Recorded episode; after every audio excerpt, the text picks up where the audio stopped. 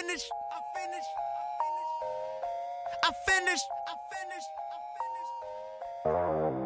finished. For those who doubted me, yeah, this is payback. Hello, everyone. I'm Priest Willis, and this is Missions and Marketplace Podcast, episode number 32. I'm joined today by Dee-1. His name is David, but he goes by the name Dee-1. He basically says that his rap equation is simple it's soul plus swag times New Orleans. That's what equals Dee-1. We talk about this a little bit, but Dee-1 and David are one of the same person. Everything that he sets out to do, both to be inspiring and to motivate others, he does that as Dee-1 and David, which I really can appreciate, which is why he's only one of the few artists that I've had on this podcast because what he's doing transcends the music. What he talks about in terms of his rap career, what he does with his money. You know, it wouldn't be right if we brought somebody on that didn't talk about the financial go getterness. I just made that up right now, but you're free to use it. Dee-1 is amazing. He's created his own lane in hip hop by making music that motivates anyone on a mission to win the game of life. He is the voice of those underdogs who grind with a purpose. After graduating LSU with a bachelor's degree, he taught middle school for a couple years, which helped him financially pursue his musical dream. And then after two years of being Mr. Augustine in the classroom, if you will, he set out by night to be Dee-1. And here we have what you see his passion being birthed today in his mission vision and his tour that he set out to do, the Slingshot David tour that we'll talk about. So I'm inspired by Dee-1, and I hope you are too. And also listen to what he does financially. I know we're not rappers, we don't have contracts that we're signed to, but you don't have to because remember, his mission started somewhere with a grind. So I am honored to have Dee-1 on this show. And without further ado, here is my man, Mr. Augustine, otherwise known as Dee-1. Welcome to Missions and Marketplace Podcast. Join us as we talk to business and thought leaders to discuss their passion in and outside of business and how it drives them to give and be citizens of goodwill. Let's get started. Dee-1, welcome to the program. Man, thank you for having me. Yeah, it's a blessing having you, brother. You're an inspiration to many. I was looking forward to this interview and getting an opportunity to speak with you a little bit. So I'd love to just start off a little bit and talk about how you were raised. Someone that graduated from LSU and decided to go teach middle school, but end up in this rap career, if you will let's talk about that a little bit. How did you grow through that? So let's just start with how were you raised? You know, most people's perception of New Orleans is all violence, all chaos at all times. But from my understanding, you were raised in a, a two parent home, relatively decent neighborhood. Let's talk about that. The the love that I received from my mother and my father, it outweighed the circumstances that I was surrounded by, you know, outside of the house. My mother and my father, you know, they they're just good-hearted people. Uh, I've never seen them steal, manipulate people, manipulate one another. My father is a welder; he's a blue-collar worker. My mother, she's a social worker. They're they're in the business of serving others mm. in in some way, shape, or form, and they're in the business of not making excuses and being lazy, but just shut up and grind. You know, that's the mentality that I grew up with. Is uh, we don't have time for excuses. You know, you got to get it because we got to eat. Mm-hmm. I was talking to my daddy last night. He was he just retired, and he was like, "Yeah, I still wake up at five thirty in the morning uh, every morning, and I, to see your mother off to work because that's the time she leaves the house." And I was thinking, "Dad, you worked all those years to retire, man. Why you still wake up so early?" And he was, and I was like, "Man, this is the time when you're supposed to chill." And he, and he and he was like, "Man, when I was working." I used to wake up at three thirty in the morning. "So really, I'm doing better now. I'm, take I'm uh, napping for two extra hours compared to when I was working." So five thirty like, a.m. is like super chill now. Yeah, that's super chill for him. That just shows me like, golly, because meanwhile I'm sitting here waking up nine thirty, you know, ten o'clock some days, depending on how late I stay up. It's just a different lifestyle that I live. I don't go to sleep until the time he wakes up. so wow. that's a different lifestyle. But that's how I grew up. I grew up just with two people who they didn't have everything figured out about life. They didn't try to come across like they, you know, were ho- holier than thou or, or knew everything. But I could literally feel their heart, you know, from the time I was a uh, a young child, and I could tell that, you know, they they literally just wanted to provide the best way they knew how, which was being honest, being a couple with integrity, and it paid off because I didn't actually grow up in the best neighborhood. You know, I did not say that emphatically. Because of that, the love that I received inside actually it sheltered me from a lot of what was going on around me mm. to where I was around yellow tape and white chalk and drugs and uh needles that people were using to, to shoot up dope and all this type of stuff and guns and violence. I was around all this and poverty, but I was always the dude who had positive outlook about all of this. So I was the dude that was, you know, just by nature encouraging people or kind of like, yeah, I know we all surrounded by this, but there's light at the end of the tunnel. And mm. that's how I grew up. You know, me, David, the young man, I just grew up with a positive outlook on life. And then when I got to college, that's when the positive outlook turned into a Christian outlook, an outlook that was centered on Jesus Christ being the reason why I feel this joy and I feel this hope amidst all of this despair around me. So I, I thank my mother and father for giving me a positive outlook on life. And then I thank a bunch of trials and tribulations I went through when I got to college.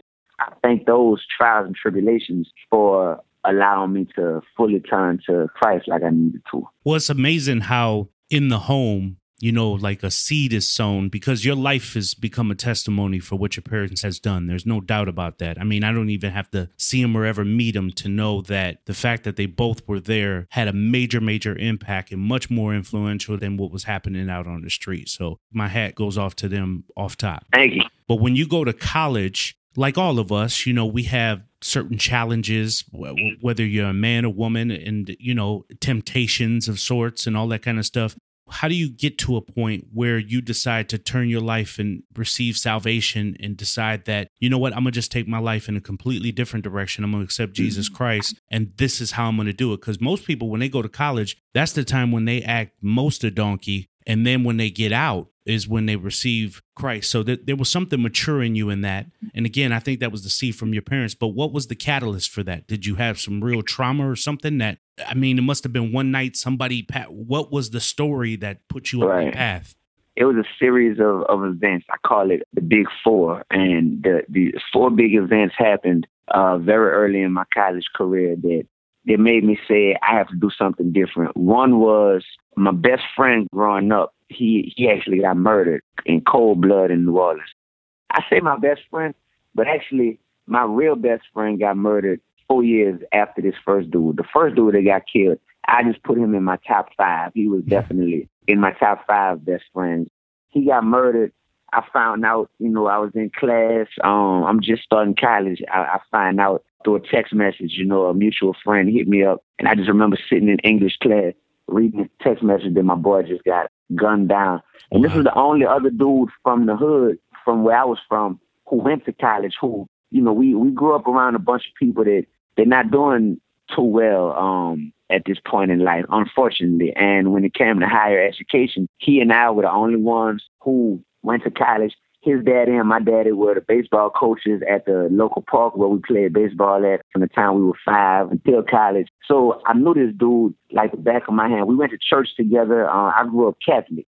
We went to church together. We did confirmation. We did first communion. We did all this together. Just all these rites of passage that we experienced together. Sunday school every every Sunday. All this stuff. Yeah, he got killed, so that rocked my world. So that was one. Second one was my girlfriend who I had been with since like 10th grade. Uh, we, we went to college together. The only reason I went to that college was because that's the only school she could get into that was on my list that I was like, okay, I wouldn't mind going here. But I really got full scholarships to several schools around the country, some for basketball, some for academics. I was a great basketball player in high school, had great grades as well. I read you went to Ben Franklin. It was like one of the hardest academic schools in Louisiana, or known as one of the hardest yeah, academic. Yeah, and you was a basketball yeah. star there too, right? Yeah, yes, sir. You know, I don't shy away from that, man. Like all my friends went to McDonough 35, McMain, Edna Karr, Warren Easton. Some of them went to St. Aug. That's a private school down here. I went to Ben Franklin because I got in. It was a test you had to take. And once I passed that test, I was the only one in my whole clique who passed the test to get accepted into Ben Franklin. And my mama said, Boy, you don't have a choice. You're going to Ben Franklin. You passed that test. So, so I, I went there, but I didn't go to any of the schools where I had full scholarships. I went to a school where, ironically, I didn't have a full scholarship. I don't know why I didn't get a full scholarship because it wasn't even as academically, you know, highly ranked as, as some of these other universities that I got accepted into. But for whatever reason, I went to this school. I had to take out student loans to go to this school, but I went behind this girl. Uh, long story short, freshman year, she ended up cheating on me, and we had been together for almost four years at this point. And she ended up messing over me with one of these D1 football players. You know what I'm saying? Oh, man. And it just, yeah. So I just, I, I experienced that, and and when I tell you, I didn't even see other women at the time, and I was pretty popular, man. I was like honestly, I was very popular in high school and even beginning college. I was starting on the route to being really popular again instantly, but that didn't matter because I didn't care about other women at all. Like I was all about this one girl. So that rocked my world when she cheated on me. So that's number two. That really shook up my worldview.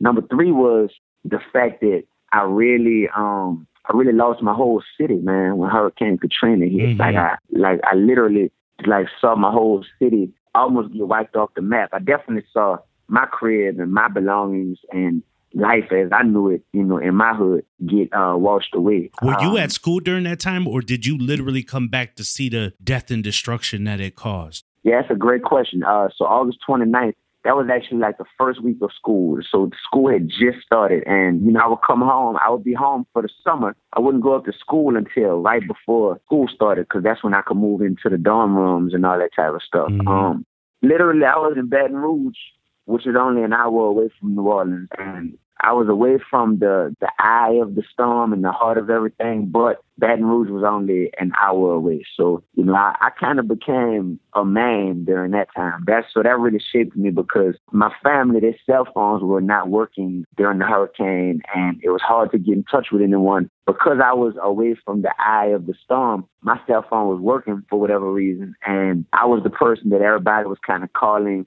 to check in even with one another. So they were mm-hmm. relaying messages to one another through me because I was the one who had a consistently working cell phone. So I'm hearing, you know, these men in my family who I look up to being broken, man, like crying on the phone and just like, golly, it must be bad down there because these are some of the strongest men I know. And I'm seeing their spirits kind of being broken during this tragic time. Wow. So yeah, man, and you know, I, I housed a bunch of family members. You know, where where where I was staying at the time in Baton Rouge. I actually housed my homeboy who I grew up with. He's a pretty popular rapper, dude named Currency. I remember he stayed with me at the time. You know, because he didn't have anywhere to go. He was signed with Cash Money Records at the time. With uh, I'm sorry, with Young Money Records. Yeah, and I was like, man, where Lil Wayne at? Where Baby at? But he was like, man, they're not answering their phone.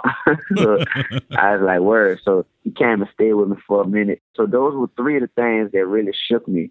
And honestly, the um the fourth thing was my base of friends, you know, my foundation of friends who I really found myself being drawn to. They all got to college, and I'm talking about one dude in particular, specifically uh, my roommate, man. When we got to college, dude went from being like a high academic performer, just like me, because we went to the same high school. We Mhm. played basketball together. So our life was about, yo, playing ball, making good grades, and just kind of, you know, being young and enjoying ourselves. It went from that to we get to college, and all of a sudden, He turning up. dudes, bit more than that, dude starts selling dope out our dorm room. Whoa. Yeah, and I'm talking about I wake up in the middle of the night, I see guns on the dresser, you hear me? Um, Whoa. and this is my dude who, you know, part of at the time, like, and then, you know, he got a girl coming in the dorm room who we know her, we went to high school with her, but, you know, for him, she's like Halle Berry or Beyonce to him. And because he started being a bad boy, she was drawn to that. He started bringing her around, and she's trying to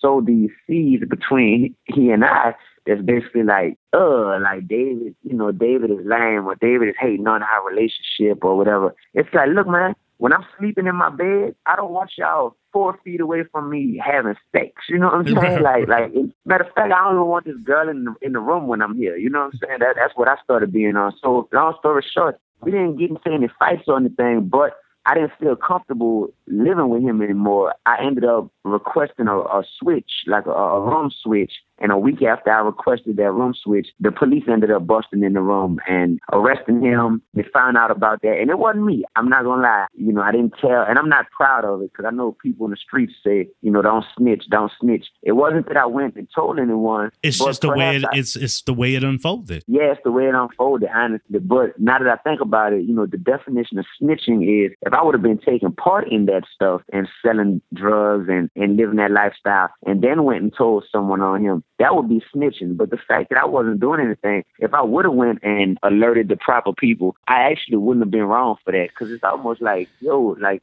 this is not even warranted, bro. Like the, the fact that you're doing this and you're putting me in danger. So I just, I thank my mom for that because without telling her what was going on, I just talked about it in code language. I was like, "Mom, you know, uh, my boy, and she know him, she know him very well. And I was like, you know, he just changing on me, like right before my eyes. And she told me, she said, you know how I raised you, and you know what to do. If you're around that, you're gonna eventually become that. So if you don't want to become that, you need to separate from that. And a week after, that's when the drug dogs bust in and the police bust in. He got kicked off campus. He had a bunch of fines, and that just started a downward spiral for him. So those were the four things that really happened to me that shook me up. And this is all within a 12 month, you know, span, like of me beginning like college. That right there, that made me say, man, everything I built my identity on from my girlfriend to being a star basketball player. Cause by the way, I got cut from the basketball team that was something else, man. Honestly, it's more. The more I talk, the more I remember. It was just everything was going wrong, bro. Well, so I.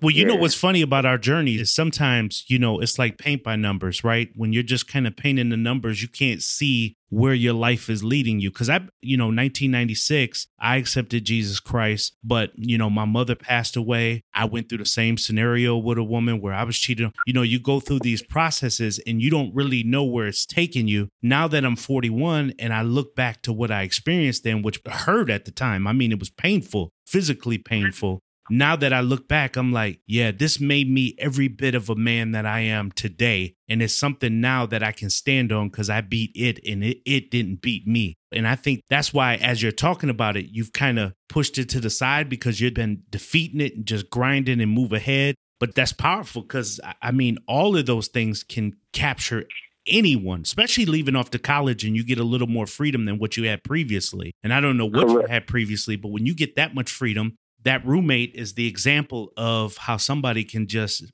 act a fool you know, when they get that oh, opportunity. Oh, definitely. So all of that stuff broke me down to the point where I knew that no other woman, you know, it wasn't it wasn't the arms of another woman. It wasn't anything. It wasn't a New Orleans tattoo on my arm like some people try to do to make them, you know, like remember the city yes, or always. You yes. know, it, it wasn't. It, it wasn't a New Orleans tattoo. It wasn't another woman. It wasn't anything that I could really do that could fill that void that I felt in, in that sense of my identity being shattered. It wasn't anything except for Christ. And that is when I finally just I stopped having knowledge of who Christ was and I began having a relationship with Christ because I always grew up in the church and I definitely had knowledge of Jesus Christ and God and his love for us, but knowledge of versus a relationship with, there's no comparison.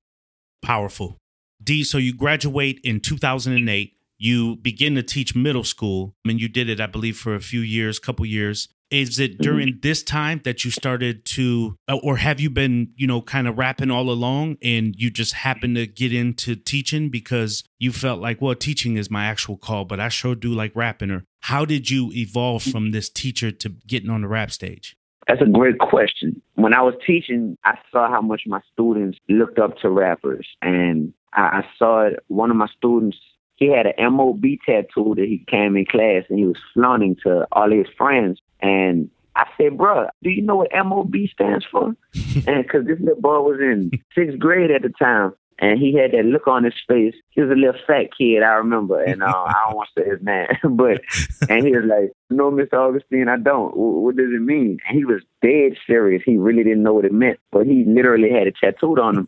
and I told him what it meant, and then I said, "Why did you get that?" It was because his favorite rapper Lil Wayne has it tattooed on his chest, and I, and once he said that, and he actually admitted that I was like, oh goodness, like the way they're drawn to rappers, it, it's actually scary to see how much celebrities influence over our youth. Yeah, and and I saw that this is also around the time Nicki Minaj really starts bursting onto the scene in hip hop, and and you know, just for a young female, especially a young black female, you know, she is charismatic enough to where people are all eyes and all ears. Like, yo, what is she gonna say next? What is she gonna wear next? What is it? Because we're just soaking it all up. And I'm seeing the little girls in my class start to emulate Nicki's behavior and her speech and all this type of stuff, not in a positive way. That's what motivated me to at least be able to, because we're we're big on homegrown, you know, pride down here. So in Louisiana, I taught in Baton Rouge, but I'm from New Orleans.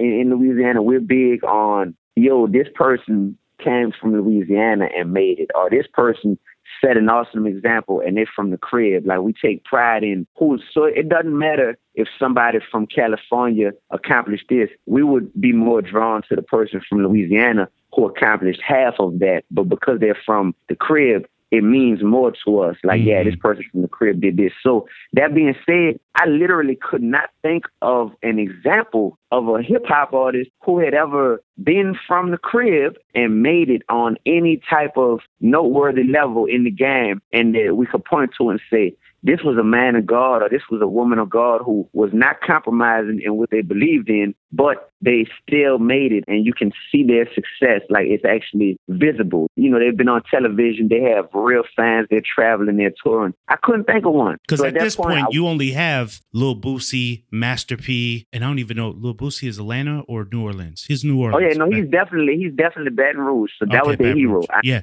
Lil Boosie was their hero in where where I taught at in Baton Rouge. Lil Boosie was their hero. So Lil Boosie, Lil Wayne, yep. Master P, yep. you know Birdman, the Hot Boys, all, all that stuff. And so, That's, for those listening, you can you can get an idea of what D is saying. That uh, if you listen to their music, there's no level of inspiration. Well, it depends on what kind of inspiring you need, but there's no level of positive inspiration from those people I just named. Correct, and, and that's what motivated me right there. I said, man, I dibble and dabble with this rap stuff, and it's a little hobby to me on the side. But you know what? I want to make it just just so that I can be an example for another group of youngsters that are coming up. But even the group that I currently teach, just so that they can see that it's possible. And I just believe in the possibilities because at this time, Barack Obama had just gotten elected. He had been in office for a couple of years. Mm-hmm. And I said, for better or for worse, whatever he accomplishes during his term as the president or his multiple terms, at least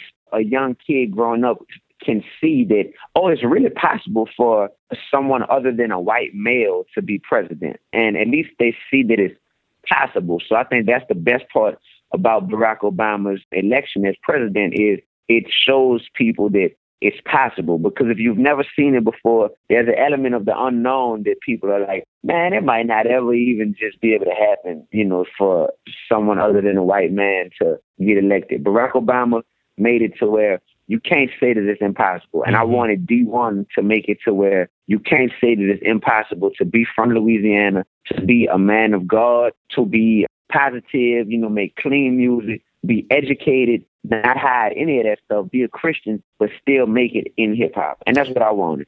So, did you ever try to go to the established artists, some of them that we already named, like a No Limit, Cash Money, and say, "Hey, let me let me link up with y'all as a clean wing to your brand. So I can be kind of the front of gospel isn't the right word, but you know, the, a good news. Yeah, yeah, yeah. Great question. Great question. So yes, when it comes to Lil Wayne, he and I, we have kind of like a, although we've never met, we have checkered um past because I put a song out called J50 and Weezy. This is while I was still teaching. I put this out, and this ended up being one of my biggest songs of my career thus far. Mm. It's about Jay Z, 50 Cent, and Lil Wayne is where I'm essentially writing a letter to them and I'm calling them out saying, yo, you brothers have, you know, the paper, the power, and the platform to have a positive impact on people. And I feel like you're wasting these opportunities, you're wasting this platform by by not taking that turn that you know needs to be taken because y'all aren't currently selling dope. Y'all aren't currently out here,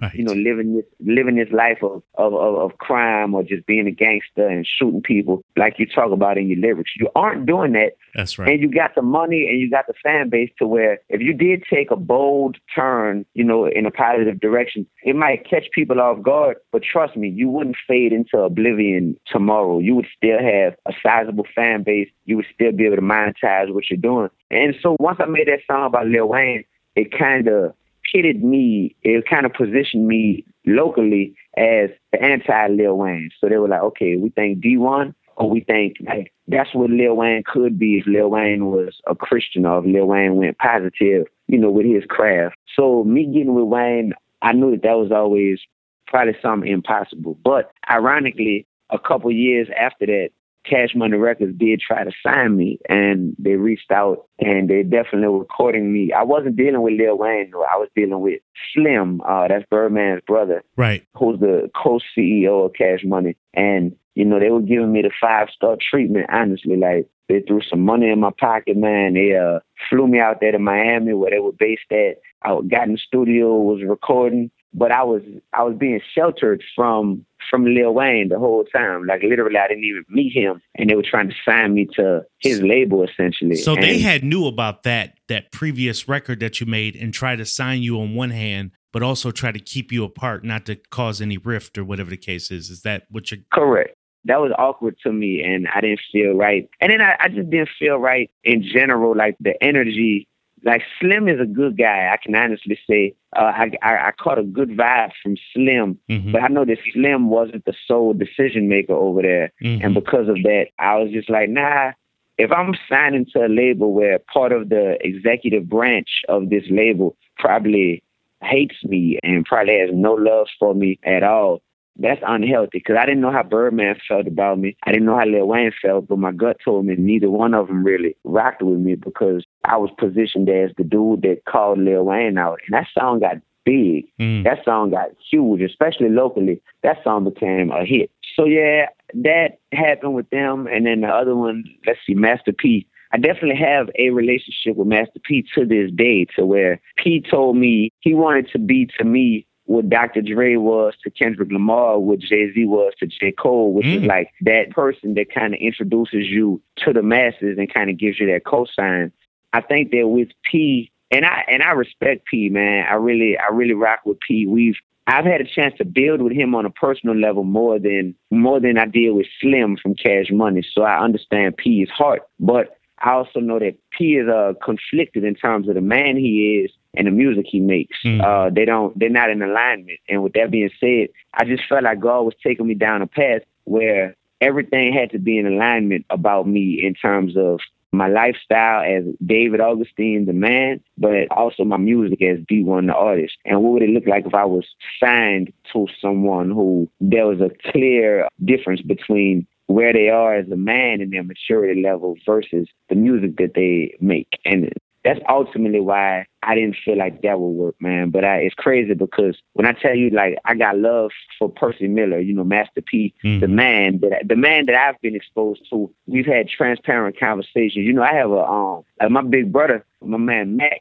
was actually signed to Master P, and Mac it was probably Master P's most talented artist, but Mac just got caught up on a bogus murder charge, and he's serving like 30 years for a murder he didn't even commit. So Master P, you know, we yeah, we have a very transparent type relationship because it's like, yo, you know, my man was signed to you, um, and you've been through a lot with people that are very near and dear to my heart. So yeah, me and P got more than just a surface level type relationship, you know. Well, that's admirable that you're making business decisions ultimately on your integrity and not about the money or notoriety. Because obviously, you know, we just named a couple people that not only blew up in New Orleans, you know, they're nationally syndicated and still names that we know and legends just in the culture in general. So it's extremely admirable. But, you know, as you continue to go on in your journey, on Facebook, and very close pastor friend of mine, he just puts on his wall Sallie Mae Back. And I thought, okay, this is, you know, maybe just a guy rapping about he's laying back in his Maybach. But then again, it was Sallie Mae Back, and I know about that because I have a loan by Sallie Mae Back by Sallie Mae too.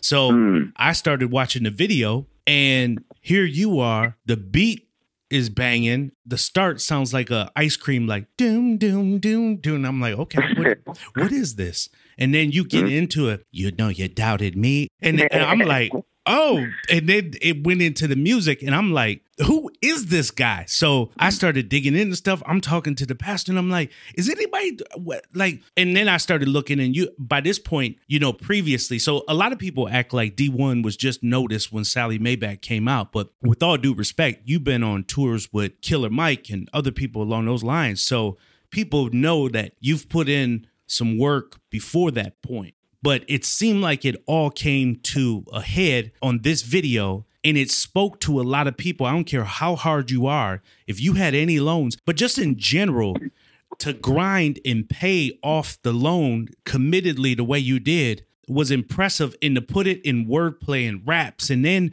do the wordplay on Sallie Mae Back because everybody knows about the Maybach. I was like, okay, this this dude, uh, he's okay. Well, what you know, help me. So then, as I'm looking into it, come to find out, you did end up getting a record deal with RCA, and then mm-hmm. you know, I think that alone, Mr. D, you, you're separating yourself from a lot of people because you're creating a lane that I don't think any of us have seen. We've heard about conscious rappers, but even them get caught up into another side every now and then.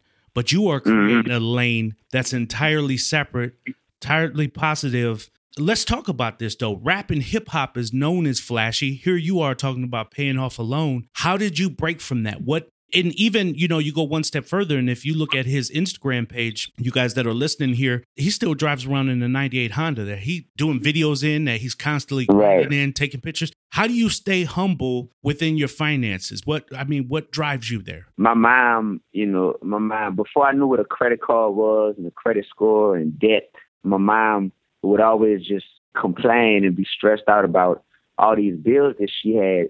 And in my head, I was like, yo, y'all are making money. Like both of y'all work. Uh, I, I just don't get it. I didn't get it. I'm like, we don't have, we mm-hmm. don't have an expensive house. And just as a young man, I did not get it. I had to ingrain it in my head. People have always said like, oh, that boy David is, is careful with his money.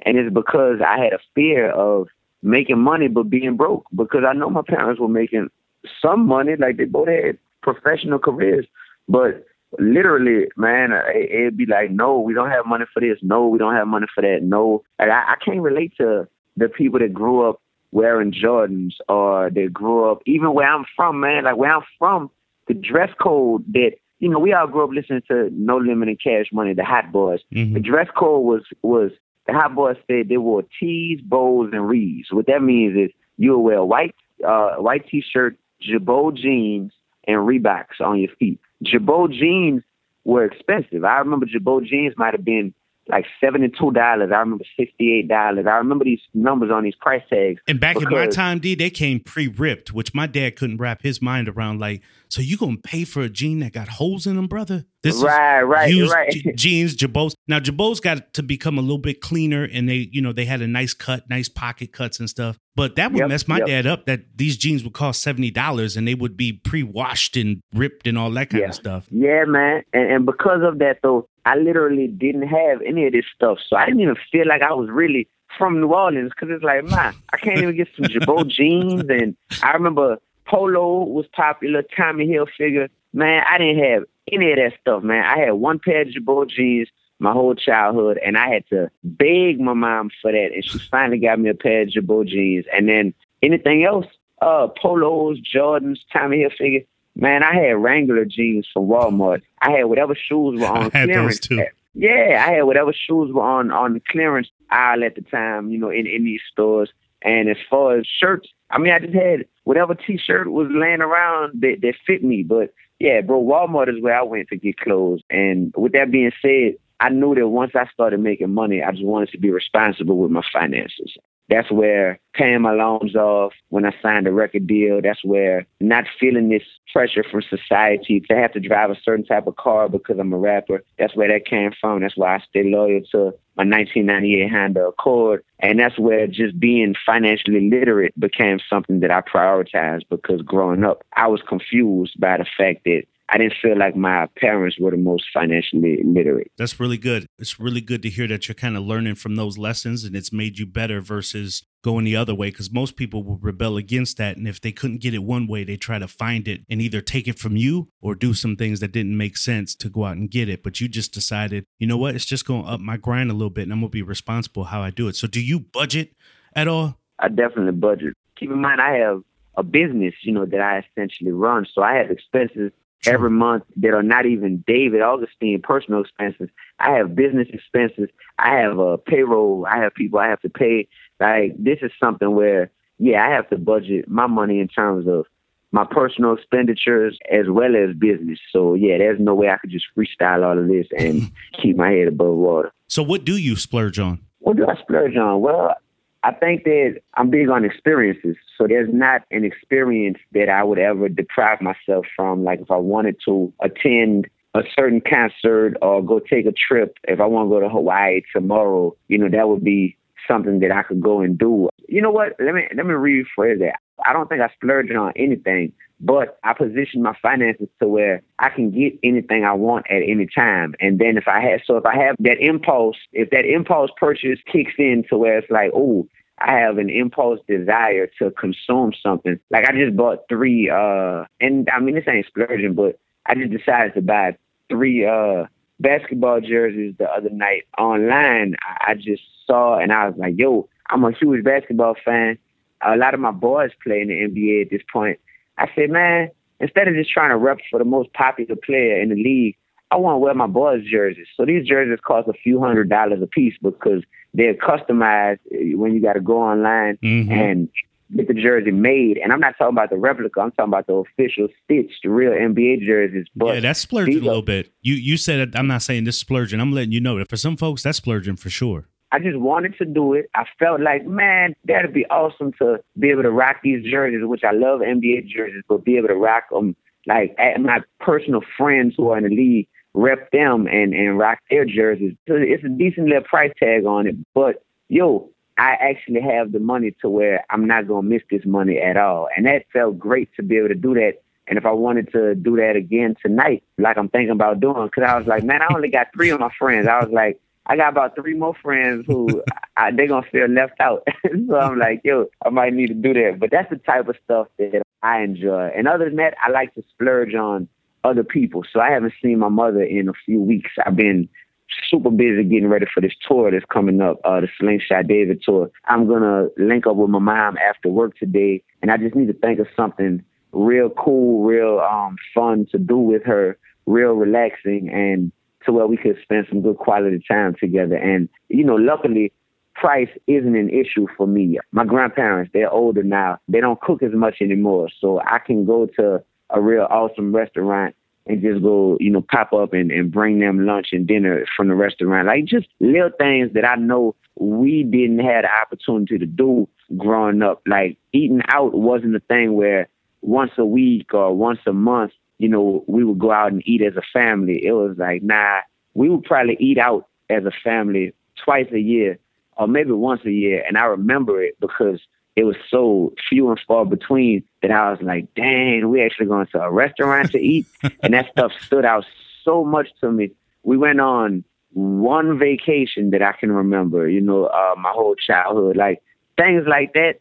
I know that Lord willing, if, if the Lord says the same, I'm setting myself up and my finances are setting themselves up to where I can do those things for my loved ones, you know, future wife, future kids, and even parents and grandparents now to where it doesn't, you know, affect me. It doesn't affect my finances. You looking for your wife, Dee-1? But I'm looking with uh with, with a telescope, man. I'm looking with goggles. I'm looking with a magnifying glass. Yeah, I am. I am. There you go, ladies. He's searching, so get it right. Yeah. So you talked briefly about the Slingshot David tour, and we're going to talk about that in a minute here. You know, things have picked up for you. I, I've seen on Instagram where you announced the tour, then you got the tour date selected, then you told people, hey, we're going to make another run on tour date. So you're going to be running. How do you handle the pressure of business mentally and spiritually? Now, I know spiritually where you keep yourself grounded, but how do you unplug a little bit and just get into David versus Dee-1? How do you draw that line between what is still Dee-1 a business in some sense, right? You just said you had a payroll and other things. So that's still a business. How do you focus on David a little bit? I think that it helps me because Dee-1 and David are really one in the same. Dee-1, you know, is just thrust into the spotlight. So Dee-1 is popular and Dee-1 has to be an entertainer by nature. But luckily, David is the foundation of who Dee-1 is is David. So I that's like the that. good. Yeah. So as Dee-1 is growing, you know, David has to grow as well because like uh, that. if we, that's honestly what I do, man. Like it's all woven in together. So for me, for example, reading the Bible and staying grounded and rooted in the Word, that doesn't just benefit Dee-1 so that Dee-1 can recite, you know, different scriptures in interviews or incorporate that into his music. That benefits David, the man, as well. It's like, yo, we both we both able to grow, Dee-1 and David, and and reading the Bible helps me in my personal as well as my professional life. Things of that nature, you know, having having accountability partners. That doesn't help Dee-1 so that Dee-1, you know, doesn't start falling off in terms of his faith and his Christian walk. That helps David as well because David being in a peaceful state allows Dee-1 to to operate um, you know, without without a glitch and hesitation. So that's what that is. I really like that you brought up how David the man, when he grows, Dee-1 grows, or vice versa. And you're talking Mm-hmm. s- specifically about what you may do off where you read a scripture and you're like, hey, I'm not just reading scriptures to get lyrics. One thing that I've never really pitted you in, and, you know, I've listened to a lot of what they classify as Christian rap and all this other stuff, but I've never really seen you in that lane, even though you come with positivity. You don't curse in your raps. You don't do any of that stuff. You're willing to talk about Jesus in your raps. I mean, even before we got on, I was watching one video and specifically where it says, I'm not perfect, I'm Christian in parentheses. That video is out on YouTube if you guys want to go check it out. Thump and beat, all of that stuff. And you're talking about the principles of Christianity, but I never see you as a Christian rapper. Do you stay away from that title Christian rapper, or are you just like, hey, I'm a rapper who's a Christian? That's all. Yeah, uh, neither one. I don't get to the point where I try to define what it is that I do Mhm. because, you know, I think beauty is in the eye of the beholder. So the beauty of what I do may be seen and interpreted from two different perspectives based on who's listening and who's watching. So for one person, they may say this brother is a Christian and this brother is definitely not shying away from his faith and his belief in Jesus Christ and his admiration for Christ. So that being said, you know, he's a Christian rapper. He's a person that I can play for my youth group or at my church. And I love it. I love his package. I love how he does what he does. And for that person, if that's the lens that they see my music through and listen to my music through, that's fine. The next person might say, man, Dee-1 is a dude that's just from the hood like me and who has experienced trials and tribulations in his life. And like you said, he's a God fearing man. But I look at him as more of just a positive dude, but a dude I can literally relate to. So I look at him as uh, J. Cole or Kendrick Lamar who doesn't curse, you know, Nas who doesn't curse, because those people talk about God in their music too, but they also, they curse and, and they may have some songs where they flip flop what they stand for and what they represent. And D just doesn't flip flop. They may look at me like that, and neither one of those people are wrong. I will say you're consistent in your message for sure because there are people that I've talked to ahead of this interview, and I'll say one of them publicly. I talked to Wendy Day, and she was like, "Oh, Dee-1, one of the best guys I know," and I'm like, "Wow," because we were talking about talking to some other artists about the direction of hip hop and is hip hop poison in the community. One of the things that stuck out at me was I see rappers that if you ever remember New Jack City, Nino Brown, he sells all this poison in the community. And then during Thanksgiving, he hands out turkeys. Well, I see these rappers, and I won't say names, that they'll essentially put out poison music. And to your point, they'll send their kids to college and they'll live away from the hood, but they'll preach that stuff. So that's why I call it poison. And yet they'll hand out backpacks and all this stuff. So I told her that that's not really the people that I'm looking to talk to. I want to talk to such and such. And she's like, oh, D1 is an amazing guy. So your character precedes you, brother, for sure. So what you're rapping in your words are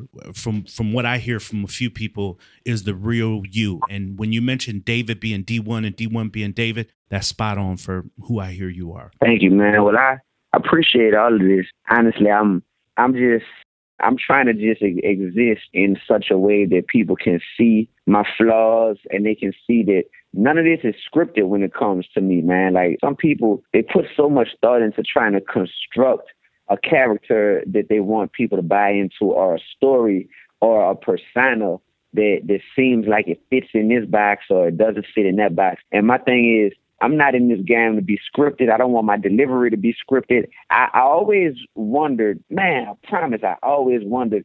I was like, yo, I used to always say, dang, I don't always fit into any of these cliques, man. I see fraternities in college, mm-hmm. and I'm mm-hmm. like, I'm cool with these dudes as individuals, but I don't feel like I fit into the clique enough to really, you know, feel led to go and join one. I would see just different people, and I'd be like, yo, I, I like these people as individuals. My teammates, you know, when it came to sports, whatever.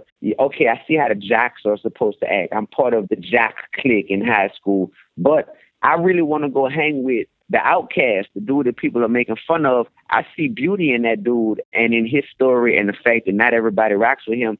I see beauty in that and I want to go and kick it with him, which is the opposite of what everybody else who played football and basketball wanted to do. And I just saw that type of stuff and didn't understand it ever, like why I didn't quite fit in. And I think that has translated into, you know, I never really felt fully like, oh, I fit into this clique rap wise or with this group or with this label or this, that, and the third.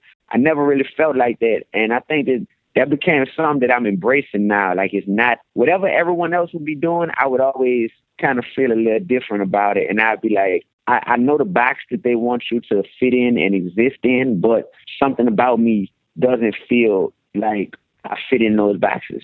I think that just translates now. And for some people, it's the best, most authentic thing in the world. And that's why they rock with me, you know. Well, talking about rocking with you, you have the Slingshot David tour, which is coming up very soon here. You're getting prepared for You're constantly putting out updates on Instagram and all that kind of stuff. I think you put one out yesterday. Shout out to Chapel Hill. We're in Raleigh, Durham, Chapel Hill Triangle area. Chapel Hill, Dallas right now is the two fastest selling tickets. I know Chapel Hill is going to be sold out. There's no doubt. I'm speaking it if it's not done already. That'll be September 25th. Chapel Hill, Raleigh, Durham, Triangle, D1music.com, his website.